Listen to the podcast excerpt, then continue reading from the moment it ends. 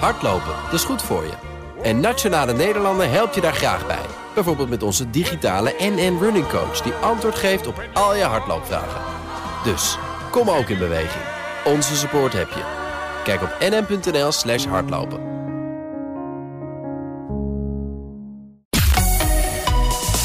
BNR Nieuwsradio. Boekenstein en de Wijk. Hugo Rijksma. Amerika, de eerste 100 dagen socialisme. Socialism plus in America, a socialist mob or a mob far worse than socialism. Joe Biden and the radical left are trying to impose socialism, socialism to find freedom, and socialism and other things, as you know, and uh, a step beyond socialism in many cases that would turn America very quickly into a large-scale Venezuela.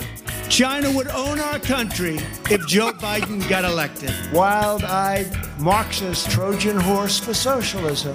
We'll end up with one very boring socialist country that'll go to hell. Soms mis ik die man bijna. Dat is toch vier jaar onderdeel geweest van je Zo leven? saai. Maar door zo'n montage wordt het wel heel genuanceerd. je beeld. Dat je er met een nuance en, en, en heimwee naar terugkijkt, toch? Welkom bij Boekenstein en de. Wijk. Op zoek naar de nieuwe wereldorde. De socialistische misschien. Bij de eerste 100 dagen van Bidens presidentschap. Met in de studio liberaal Arend-Jan Boekenstein. En optimist, tot vervelens toe, Rob de Wijk. Onze gast schreef zelfs een boek over optimisme. Dus u bent gewaarschuwd. En een boek over Amerika na Donald Trump. Oud-Amerika-correspondent Charles Groenhuizen. Welkom. Dankjewel. Leuk hier te zijn. Sleepy Joe, zoals eh, Trump hem altijd noemde. Die opa die in de campagne vanuit zijn kelder... Oudste president ooit. Ja, Ja. Is drie maanden aan de macht en toont zich een energiek president. Wat, wat zou jij zeggen dat eh, de belangrijkste wapenfeiten zijn van zijn eerste honderd dagen? Ja, energiek. Iemand zei van de week, he is on fire. dat, dat is waar. Eh, en hij, hij voert een programma uit... wat, ja, de, vergelijking gaat misschien niet helemaal op... maar het is toch bijna FDR, Franklin Roosevelt-achtig... met een aantal echt heel ingrijpende dingen. eh, rond infrastructuur, ook op sociaal terrein, onderwijs... eh, huisvesting voor de armen... eh, een soort zwangerschapsverlof... wat in Amerika, zoals je misschien weet, niet, is. Dus heel veel, ja, toch wat progressieve ideeën. Het fascinerende aan wat hij doet is precies omgekeerd aan wat Donald Trump voorspelde over het socialisme. Dat hij leuke dingen voor linkse mensen doet, als je het even zegt. Eh je, klinkt, ja, maar je hebt er geen verstand van aan, Jan, van leuke dingen voor linkse mensen. Dus ja, idee wat dat is. Ik ben weer een gevaarlijke linkse idioot. Ja. Eh, maar hij doet eigenlijk leuke dingen voor linkse mensen zo- zonder dat zo te benoemen. En dat vind ik. Hij ontideologiseert zijn presidentschap. Er was voorspeld: dit wordt een radicale marxistische socialist en het wordt de Volksrepubliek van Amerika. En hij doet inderdaad vrij progressieve dingen, maar zegt voortdurend dat hij het voor alle Amerikanen doet. We hadden Ja. natuurlijk via Trump me, me, me. Het ging alsmaar over Trump zelf. En het is nu us, us. Wij, en hij wij. doet dat ook nog een keer op een manier dat je er bijna bij in slaap valt. Ja. Dus misschien je kan, je Dat kan lijkt niet, ook, je dat kan lijkt ook niet, bijna de bedoeling. je kan niet eens boos worden op die man als je, als je tegen hem bent. Ja. En wat ik zo leuk vind, die, ook die Trump-aanhang. Ik vind stiekem die kinderbijslag van 300 dollar... vinden ze eigenlijk wel een heel leuk idee. En, die snel internet package. voor iedereen. Wie kan daar nou tegen zijn? Dus met andere woorden, het is toch wel, het, het is wel heel interessant. Zometeen gaat de economie groeien. Alle voorspellingen zijn positief. Gaat nu ook hartstikke goed. Eh, dus ja, ik ben ontzettend benieuwd naar twe- 2022, de midterm elections. En dat is natuurlijk de ultieme test straks voor eh, Sleepy Joe. Eh, maar vo- vooralsnog moet ik zeggen, want wat je zegt, Rob, is absoluut terecht. Maar volgens mij is het ook bewust. A, is- heeft natuurlijk een totaal andere presentatie dan Trump of dan Obama enzovoort. Het is inderdaad vrij- wel een vrij sleepy presentatie, laten we eerlijk zijn. Maar dat was hij ook al als vicepresident. Ja, ja, ja, nee, het is- is al heel lang. Eh, maar wat hij daarmee ook bereikt, is dat het wel heel erg over eh, de inhoud gaat, niet over zijn presentatie. En het is alsof hij, alsof hij hele grote dingen doet, maar steeds zegt van, nou ja, maar let niet te veel op mij. Het is eigenlijk heel low-key, ook precies weer omgekeerd aan wat we bij Trump gehoord hadden. Die deed vaak niks, maar maakte wel heel veel lawaai. Maar wat ik interessant vind is dat hij met zijn team in die eh, tijd nadat hij gekozen was, hè, ter voorbereiding op het echte presidentschap, een hele hoop eh, biografieën van Roosevelt heeft gelezen. Hè. Ja. En ze hebben dat, eh, die boeken echt binnenste buiten gekeerd om te kijken hoe Roosevelt dat eh, gedaan heeft. Is trouwens ook wel wat trekjes van eh, Lyndon B. Johnson, moet ik zeggen. Great Society. Great Society. Ja, exact. En eh, die, eh, die werd president toen John F. Kennedy werd vermoord. Dus was in 63. En die is ook ineens van leer getrokken. Ja. En het, is helemaal niet zo slecht presidentschap geworden volgens mij. Maar Nee, hij wordt dus, iedereen- hij iedereen wordt dus nu inderdaad al Vietnam, vergeleken met, de grote, met de grote presidenten in Amerika. Dat is al wel echt, eh, echt curieus, hoor, vind ik. En het past ook een beetje in een wereldbeeld waarbij dus markten zijn wat kritischer zijn. En meer staat zie je over. Dat zie je dus ook in Amerika. En het haakt dus terug op, die, op, de, op de, de big deal, de great En deal. tegelijkertijd doet hij eigenlijk hetzelfde als Trump. Ja, Eh, bedoel je? hij, nou, hij jaagt er in moordend tempo door middel van executive orders allerlei grote veranderingen eh, doorheen. Ah, ja. Maar wel Eh, iets andere en hij veranderingen. doet precies, precies het tegenovergestelde van Trump. In één klap eh, is de Iran-deal eh, ligt weer op tafel. Veel rechters. Exact. Eh, nou ja, ga zo maar door. Eh, de, de terugkeer in het, eh, eh, in het Parijsakkoord. eh nou ja, goed. Je kan wel even doorgaan. Maar hij is dus ook bewust in het begin, net zoals Trump, executive orders ge- getekend. om de boel heel snel. Obama ook. Ja. En, en Bush. Ja, en maar het is wel extreem wat hij heeft gedaan. En ook zo snel. Je noemt al Parijs. Het is dus niet alleen binnenlandse politiek waarbij hij zo snel uit de startblokken is. Hè? Er is nu een grote klimaatconferentie. Hij heeft ook al gezegd te willen werken naar een, een mondiale minimumbelasting voor bedrijven. Ja. Dat is ook al nogal een grote stap. Hij is oké met de, die, die digitax die Europa wil. Dus dat zijn ook hele grote stappen. Maar de gemeenschappelijke noemer, en Arend Jan eh, duidt daar terecht op. Het gaat heel erg over de rol van de overheid. En dan komt natuurlijk eh, Franklin Roosevelt om de hoek kijken. Die deed het ook. Er zijn twee presidenten die de federale overheid, überhaupt de overheid, enorm vergroot hebben. Dat is Franklin Roosevelt en een man als Eisenhower bijvoorbeeld. Ja. Mhm. Die de interstates heeft aangelegd. Tienduizenden kilometer snelweg, waar we nu nog elke dag in Amerika van profiteren. Een En die sindsdien, republikeinse president. niet meer onderhouden zijn, Ja. volgens mij.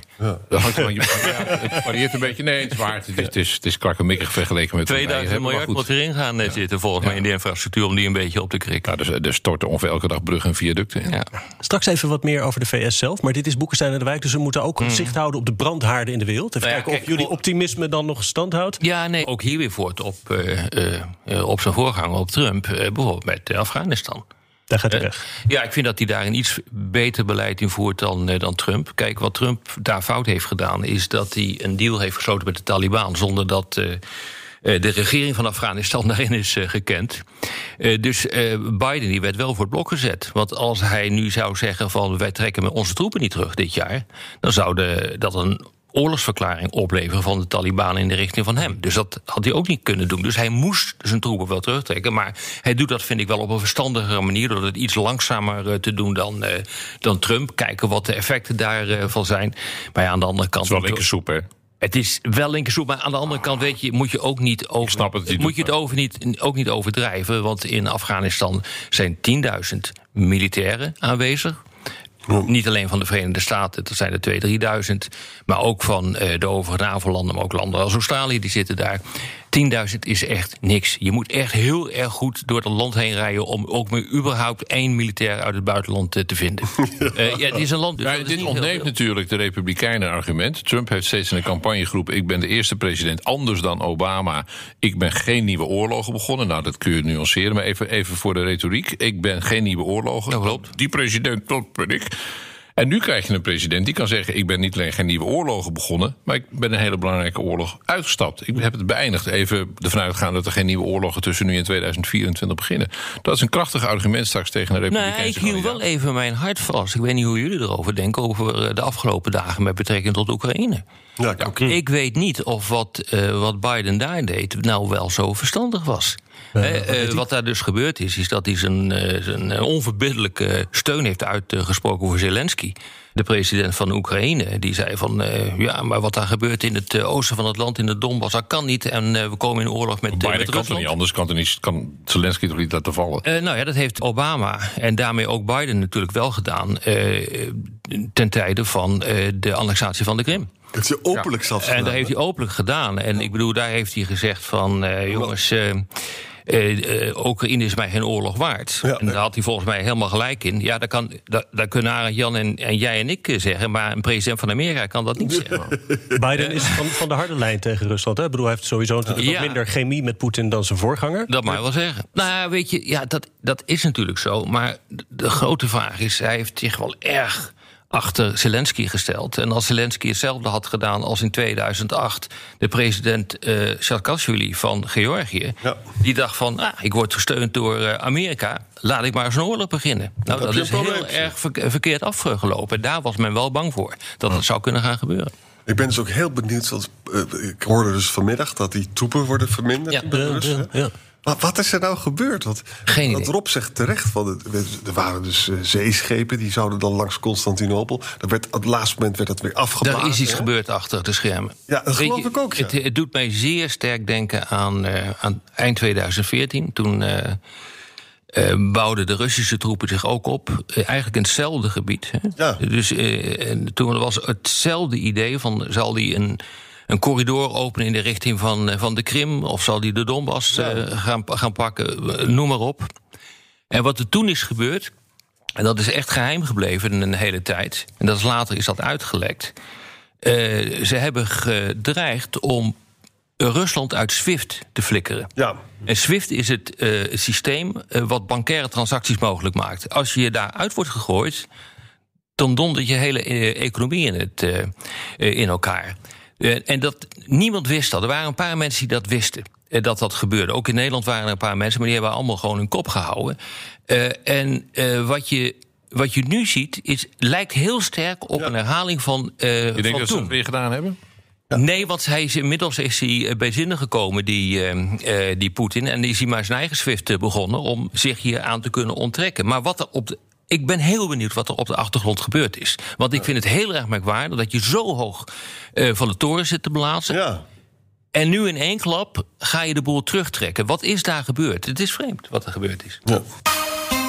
BNR Nieuwsradio. Boekenstein en de Wijk. Op zoek naar de nieuwe wereldorde. Dit is Boekenstein en de Wijk. En dat programma is natuurlijk niet zonder Arend en Boekenstein en Rob de Wijk. Mijn naam is Hugo Reitsma en onze gast is oud-Amerika-correspondent Charles Groenhuizen.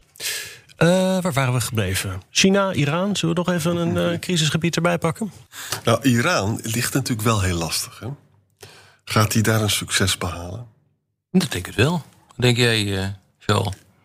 Eh, eh, nou ja, het- het- het- er zal wel toe, ik ben niet, geen Iraan-specialist, zoals je weet. Maar er zal wel enige toenadering nu gaan plaatsvinden. Ik ben heel benieuwd naar de rol van de EU in dit verband. Er is Nou, natuurlijk een soort dus gewoon achter de deel staan. Ja, tuurlijk. Nee, maar ten opzichte van de Verenigde Staten... en hoe hard ze het nu willen spelen richting Iran...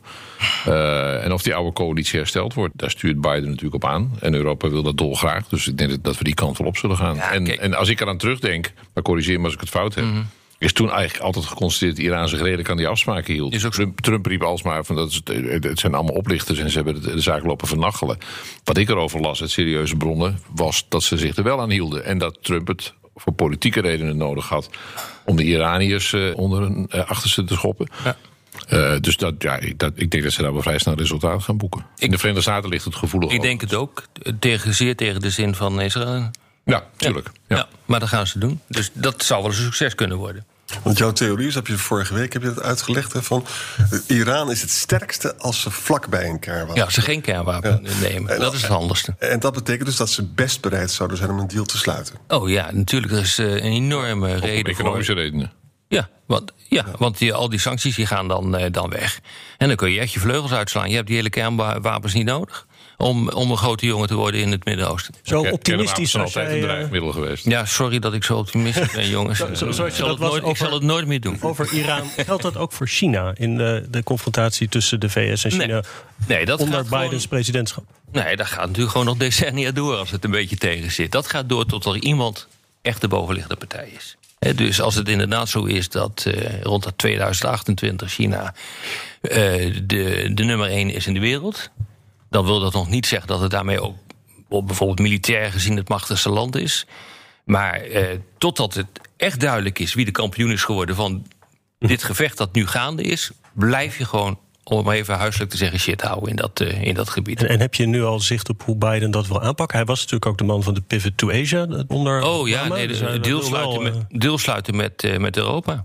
Ja. Kijken of je Huawei en ZTE kunt, eh, kunt weren. Dat is natuurlijk gewoon wat er gaat gebeuren. Handelsakkoorden. Handelsakkoorden krijgen steeds meer een, eh, een, eh, hoe, ja, een geopolitieke lading. Ja, dat gaat helemaal niet meer om procentje meer of minder groei. Dat doet er absoluut niet meer toe. Nou, het verbijsterende natuurlijk onder Trump was... kijk, als je het heel simpel zet... zijn er drie hele grote blokken in de wereld. Dat is China, dat is de EU en dat is de VS. Heel Ja. simpel.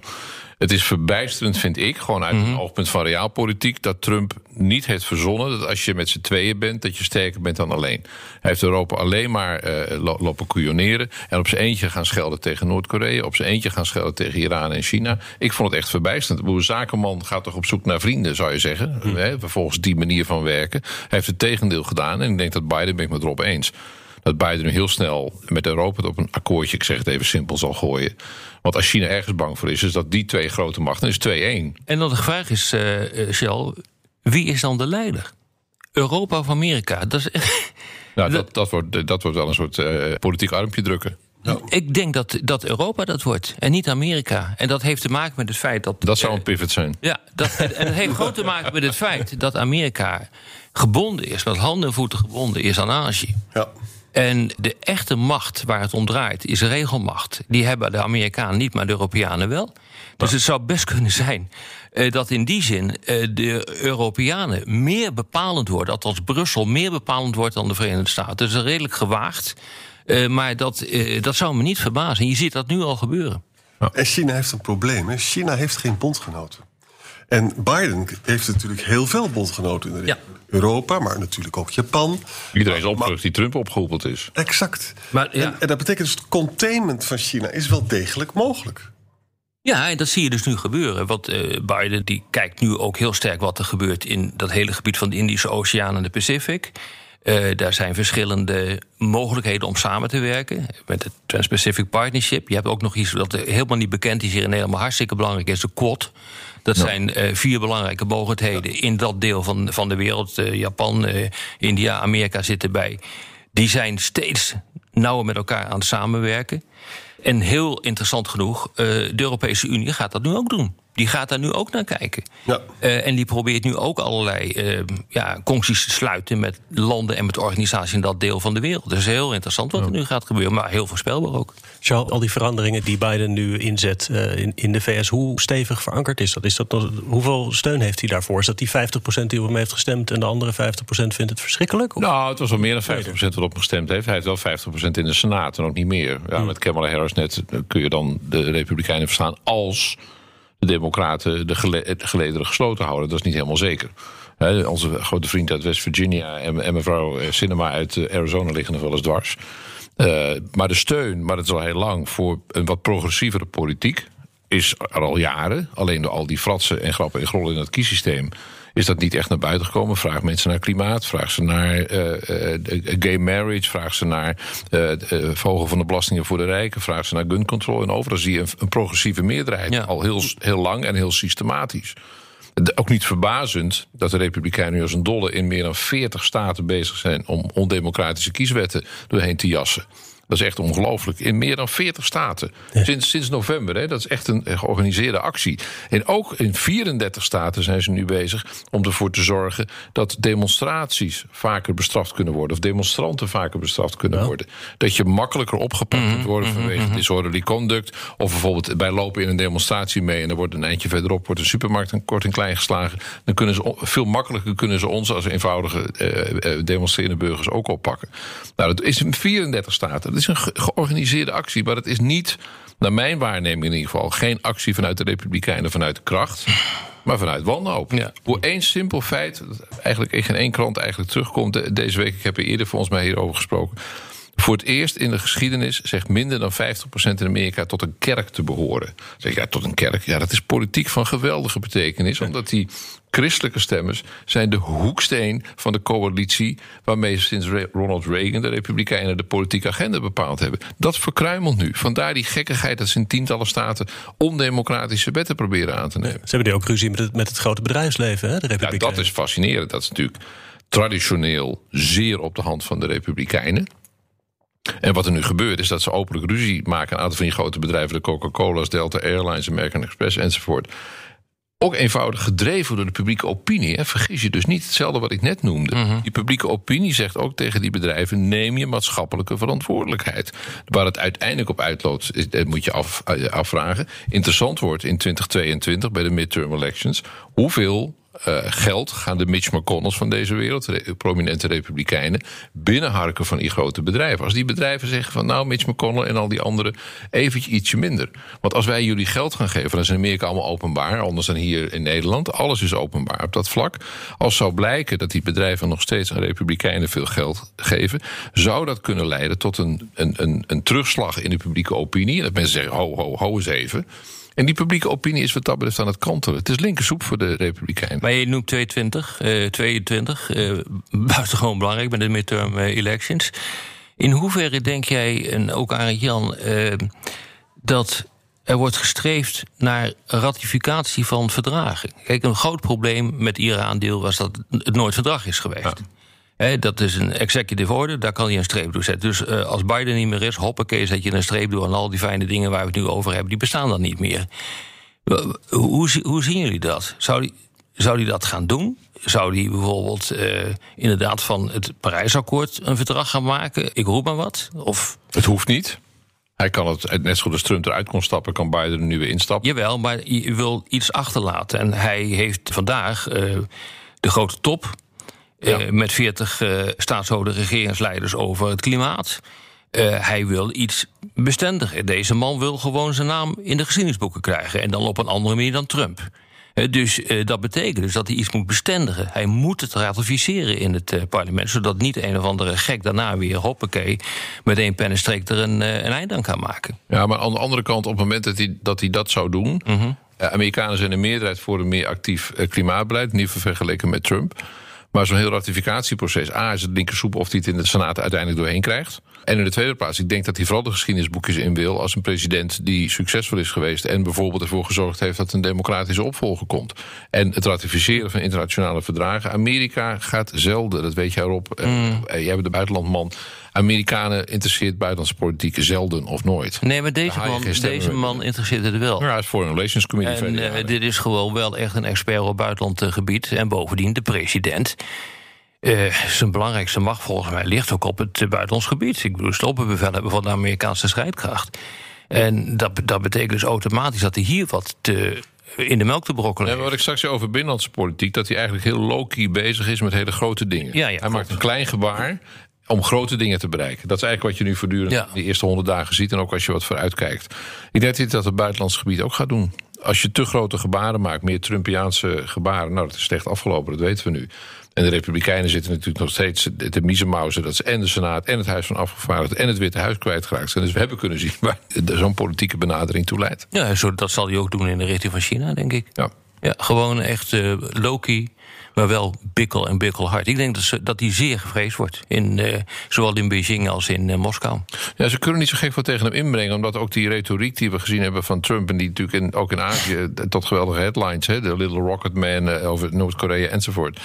We hebben uiteindelijk gezien dat dat geen bal opgeleverd heeft. Nee, China heeft het niks opgeleverd, met Noord-Korea heeft het niks opgeleverd, met Iran niet. Het is uiteindelijk, een, wat dat betreft, een, even los van, van je politieke voorkeur voor Trump of niet. Maar wat dat betreft een mislukte president, in ieder geval op buitenlands Als beleid. je ook kijkt hè, naar die historici die rankings maken van president, dan Ja. scoort hij zo ongeveer het laagste. Ja.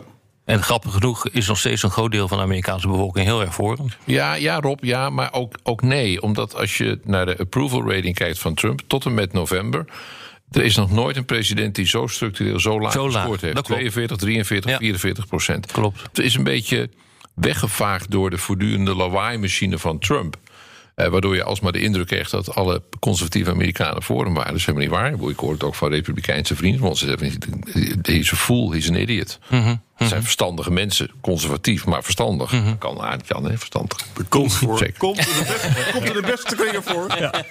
Biden dus een eh, effectieve president, maar of het beklijft, dat eh, kunnen we niet zeggen. Voor hetzelfde geld zit over vier jaar Trump er weer. Zit Charles Nee, Tucker. hou dat toch op. Dat is het einde van, het is het einde van de Republikeinse partij. Nee, Trump, we zien Trump nooit meer terug. Als hij al niet in de cel zit tegen die tijd. White House of the Big House. Een optimist, ik zei het al. Op de radio ronden we af. Voor in de podcast gaan we door met luisteraarsvragen. Luistert u op de radio, dan verwijs ik naar Apple Podcasts, Spotify of boekesteinendewijk.nl. Mm, Calculo Ergezom vraagt... Bidens initiatieven lijken vooralsnog economisch en buitenlands politiek van aard... terwijl zijn partij stijf staat van de identiteitspolitiek... of is die blik te buitenlands? En als dit klopt, hoe houdt hij het partijkader dan tevreden? Charles, de, de linkervleugel van de Democraten. Ja, nou, dat is, hij, hij is wel degelijk bezig. Ook in dat hele stimulus package waar nu de Republikeinen alternatief voor gepresenteerd hebben. Wat alleen maar echt over beton en staal gaat. Terwijl Trump in dat stimulus package gaat over infrastructuur. Maar er zit dus heel veel softe infrastructuur in. Gewoon dingen, nou, de leuke dingen voor linkse bij- mensen die ik straks noemde. Eh, hoe- hoe hij dat in de hand gaat houden. Wat ik een, fascinerend vind, is dat die linkervleugel, de squad, hè, de Alexandria Ocasio-Cortez en andere progressieven. Die linkerkant van de partij zich eigenlijk ontzettend gedijst houdt. Ja, En dat is fascinerend. Als je dat? constateert dat Biden houdt zich gedijst, houdt het eigenlijk allemaal low-key. Alexandria Ocasio-Cortez hoor je ook nauwelijks. Die zou ook kunnen protesteren tegen een niet eh, eh, eh, ambitieus genoeg klimaatprogramma. Sneller wapenwetten, denk aan het hele gedoe in Minneapolis enzovoort. Snelle politiehervormingen. En die houden zich heel gedijst. Het lijkt erop, ik kan niet aan, aan, aan binnenkijken daar. Het lijkt erop dat ze met een soort realpolitiek bezig zijn. En vooral afscheid aan het nemen zijn van Trump. En voor de rest proberen om in ieder geval naar buiten toe... niet in de oude PvdA-achtige val te trappen... van als het goed gaat, dan ga je veel ruzie maken. Nicole Offenberg vraagt hoe functioneert het tandem Biden-Harris? Is er sprake van enige invloed van Kamala Harris op het beleid tot nu toe?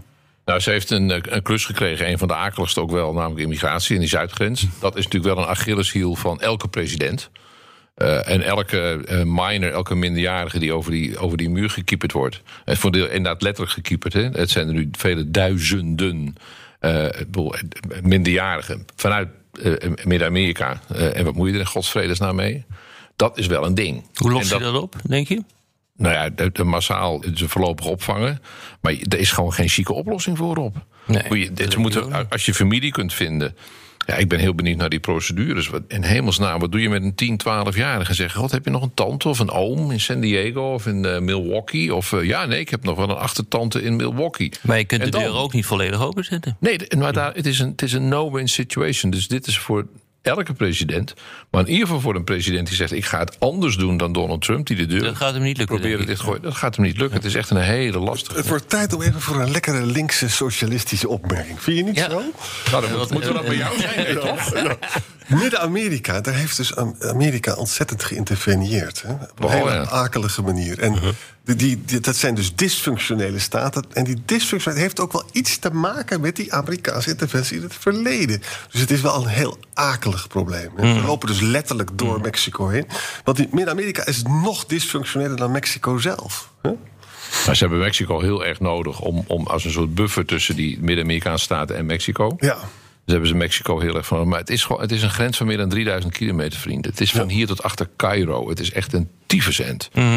Ja. Eh, en dat is gewoon niet dicht te krijgen. Ook niet met die muur van Trump. Ik bedoel, Dat heeft hij geprobeerd. En dat, nou goed, dat, dat, Dat is, gaat niet. nee, dat, dat, dat lukt je gewoon niet. Maar om, om terug te komen op Harris, moet Biden eh, misschien ook mede gezien zijn leeftijd eh, Harris zien te positioneren als een opvolger? Ja, bij dat tijds? moet, dat moet enige, hij, hij, hij kijkt, moet ook naar de statistiek kijken. Hij is 2,83 tegen de tijd dat zijn tweede termijn aan zou breken. Ja, menselijke wijze moet je er op een goed moment gewoon echt wel mee stoppen. Ik bedoel, Wij denken over werken en stoppen. Ik voel me nu al 78. Regelmatig. Als wij er al over nadenken. Nee, maar serieus. hij, hij moet natuurlijk aan de ene kant Harris klussen geven van en, en immigratie, wat dus eigenlijk niet chic is op te lossen. Is dat dan de springplak naar een president? Nou, Geen fijne. Jel vraagt: Is het idee dat de VS een supermacht kan zijn of blijven niet een simpele versie van ontologische veiligheidsprincipes? Wij zijn superpower, dus moeten superpower blijven. Eh Ja, zijn. dat- ik ben ook- ook wanneer de wereld dit beeld niet Jan is van de ontologie. Het gaat over zijn slinger. Maar verder begrijp ik de vraag niet zo goed. Ik niet eigenlijk. Misschien moeten we die met een, met een e-mail beantwoorden. Zo, Dat doen we dan wel. Sorry Jel, wij ko- wij komen hier schriftelijk op terug. Nee, maar als er bedoeld wordt van... je bent een su- supermacht en je wil er altijd in blijven... dan klopt dat wel. Ja, dat klopt wel. Dat is wel zo, ja. Meer existentieel. Dat lijkt me wel ontologisch. We krijgen steeds slimmere luisteraars. Dat is vervelend, want dan moeten we het niveau van het programma En moeten omhoog. woorden. Ja. Ik heb hier nog een vraag van Canada. Of vergroot ik daarmee dan mogelijk alleen de verwarring? Vertel, vertel. Eh, Mark Houben vraagt: Weten we Bidens positie ten opzichte van Canada, nummer 1 exportland, top 10 economie in de wereld en in hetzelfde handelsschuitje? Gaan we nauwere betrekkingen tussen de VS en Canada zien? En kan een hechte Noord-Amerikaanse alliantie niet meer bereiken? Ja, want eh, Biden heeft ook eh, gepleit voor gelijkgestemde landen... dat die samen gaan werken. En dan noemt hij iedere keer Canada. Dus ja, dat gaat gewoon gebeuren. En de gemeenschappelijke belangen zijn reusachtig. Ja. En, en, dat, en ja, eh, ja er is geen enkele reden om op wat voor manier ook met die vriendelijke Canadezen ook ruzie te gaan maken. En, die pijplijn wordt teruggeschroefd? Ja, die, ga- die, gaat die, ter- wil die terugschroeven, ja. Mark Vernooys vraagt: Onder Biden is de VS weer terug in het klimaatakkoord van Parijs. Gaan ze nu ook kernenergie weer serieus nemen? Geen idee. Weet jij Dat dat? durft hij niet. Ik vind dat iedereen kernenergie serieus Ja, En, en niemand doet het. En het afval ook. Kun je, nog, kun je nog tien jaar in 100 podcasts roepen aan Jan. En je hebt 100 keer gelijk, vind ik. Maar je krijgt 100 keer Ja, ongelijk. maar het was ook niet de vraag wat jij ervan vond. het was de vraag wat, Biden ervan vond. eh. De Duitsers Ik weet het niet. Weet jij het? Ja, hij heeft er wel vriendelijke dingen over gezegd over kernenergie. Maar je, je krijgt het gewoon niet meer voor elkaar. Maar ook in Ven. Hier in Nederland niet, in Ik West-Europa. weet het niet hoor. Ik weet het niet of, of dat niet gaat lukken. In Nederland met, met, met, met- Ik denk met- dat als je die, klimaat, eh, die- klimaatdoelen wil houden, dat je onverbiddelijk een dergelijke discussie krijgt. Of ze er uiteindelijk komen, dat is een tweede. Maar Not in my backyard. Die staten zijn zo machtig. Ik, ik zie het niet gebeuren, ook niet in die, in die conservatieve staten. Hm. Dat ze daar. eh, het- je, moet, je moet er een open gebied voor opofferen. Nou, daar zitten dan vast hele zeldzame vogeltjes en slakken en eh, vleermuizen. Ik zie het niet gebeuren. Hm. Ik, heb, ik vind ook dat het moet en dat het kan. eh, maar dus in Nederland is dat ook zo. Hoeveel, hoeveel procent in Nederland is voor kernenergie? Wel Ja, dat veel. begint eh, behoorlijk aan te trekken volgens mij. Nou, goed, voor de Klaver zei laatst dat hij ook niet helemaal weer fundamenteel tegen Nee. was. En ik sprak iemand van Economische Zaken die, en die zei van... Frankrijk wil bij ons een hele moderne wel bouwen. En als je het over de hele cyclus neemt... dan is het misschien ook niet zo duur. Dus Frankrijk, we hebben dus nu een marktpartij. Eh, Frankrijk, Frankrijk. Ik bedoel, ze zijn nu met de laatste centrale zijn ze nu al 17 jaar aan het bouwen of iets dergelijks. Het schijnt in de buurt van Doorn een hele goede plek te zijn. Ja, in mijn achtertuin die stel ik daar ook voor beschikbaar. Bij deze genoteerd. Gaat Joe Biden, vraagt André, ook blijven hameren op meer defensieuitgaven in Europa? Ja, klaar. Gaat doen. Volgende vraag. En in Nederland eh, vooral, denk want wij zijn nog een van de achterblijvers. Nou, nogal ja. nog. Ja, ja, ja. Dus De burden sharing is of je nou republikein of democraat bent. De Europeanen zijn Ja. lapswansen die te weinig aan defensie en uitgeven. dat, Heel die simpel. druk zal alleen maar groter worden. oké, we gaan naar een iets moeilijker vraag. Oh jee. Oh jee. Die is voor Jan. De kennistheoretische... Arend Jan. Eh, Art Warning wil weten welke dingen deed Trump beter dan Biden? Dat moet je heel lang over nadenken. Li- Liegen. Maar, maar Liegen. ja, Veel liegen deed beter. hij beter. Eh, eh, de- dat is. Vrouwen waarmee hij niet getrouwd was, eh, lastigvallen, deed hij ook. Nee. Nou, je zou dit kunnen zeggen. Hij heeft wel de NAVO ongelooflijk aan het schrikken gemaakt. En het is wel waar dat door zijn optreden de NAVO meer is gaan uitgeven. Dat is natuurlijk wel waar. Had hij Ja, maar ook verder van Amerika eh, afkomen te staan. En Biden kan dat niet makkelijk repareren. Ik bedoel, het heeft wel echt een klap veroorzaakt, hoor, die Trump. Ja. En eh, iedereen ziet hoe oud Biden is, dus je weet nooit wie zijn opvolger wordt. Dus eh, er is echt wat veranderd, hoor, in Europa door, eh, door Trump. Absoluut. En dat heeft enorme consequenties gehad voor de Europese Unie. eh, die daar eigenlijk veel meer gewicht door heeft gekregen. Ja. Freek Zuid vraagt met verwijzing naar een stuk van Raam op Rusland. Ehm, delen jullie de analyse in dat stuk? Is dat volgens mij dat Biden erg reactief is tegenover Rusland en Rusland de agenda domineert? Sorry, Nee. Heel erg vroeg om dat te zeggen nu. maar- Nee, dat kun je zo niet zeggen. Nee, kijk, weet je, voor Amerika is Rusland niet echt een strategische tegenstander. China wel. Maar daarvoor is in de ogen van Amerika Rusland te onbeduidend. Ja, laat Poetin het niet horen, maar dat vindt Amerika wel. Het is een, een, een economie te grootte van Italië. De, de wonen relatief gezien ten opzichte van Amerika gas ze weinig mensen.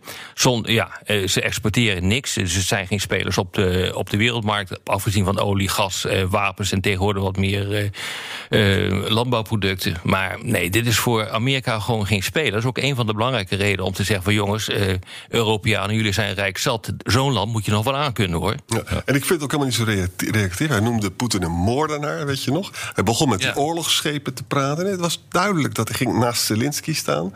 Het is het, dat was wel heerlijk dat we van die periode af zijn... Dat, dat we altijd moesten speculeren over de relatie Poetin en Trump. Daar zijn we gewoon helemaal vanaf nu. Hè? Nu kunnen we gewoon weer eh, normaal over Rusland praten. Nou, Rob de Wijk schijnt met Russische spionnen veel om te gaan. Dus die wel wat er aan de hand is geweest. Dat toch? Elke dag. Tot slot dan misschien nog even één vraagje over Trump. eh, van meneer West. Die zegt: Trump is in zijn periode als president geen oorlog aangegaan. Is al gememoreerd, ja. Mogen we van Biden eh, verwachten dat hij ook geen oorlog start? Nou, hij is vaak geen keuze, alles proberen te vermijden. Maar Het is vaak geen keus. Ja. Nou, we hebben het er al even over gehad. ja, Oekraïne had, Afghanistan had en Irak fout waren kunnen. wel... Had fout kunnen gaan. Had fout de. Zuid-Chinese zee kan zomaar fout gaan. Ja. Ook door ongelukken. Ja. ja, dus je kunt dat zo niet zeggen. Mooi. Eh, het- Maar goed, dan is nee. het een oorlog die begint, bij wijze van spreken, omdat het een reactie is op iets idioots wat er in zo'n regio gebeurt. Ja, het is goed dat Bush altijd zegt dat hij gereageerd heeft op wat er in Irak en Afghanistan enzovoort. Ik, ik moest wel. Eh, Ja, maar dat- ze soort- hebben daar ook wel heel veel leergeld mee betaald. Dat soort keuzeoorlogen, die, Ja. dat, dat is wel afgelopen hoor. Maar het zou heel, echt gewoon een keer heel fout kunnen gaan. Nou ja, wat Jan ook zegt in de Zuid-Chinese Zee. Ja. Dat je daar een clash krijgt tussen een paar schepen. En eh, nou, hoppakee. Dan hebben we Ja. toch nog een licht gevoel En dan zit je vrij dicht bij de Derde Ja. Wereldoorlog. Zeker. Dit was weer Boekenstein in de Wijk. Namens Arend-Jan Boekenstein en Rob de Wijk zeg ik dank voor het luisteren. Speciale dank aan Jean Groenhuizen. En tot volgende week.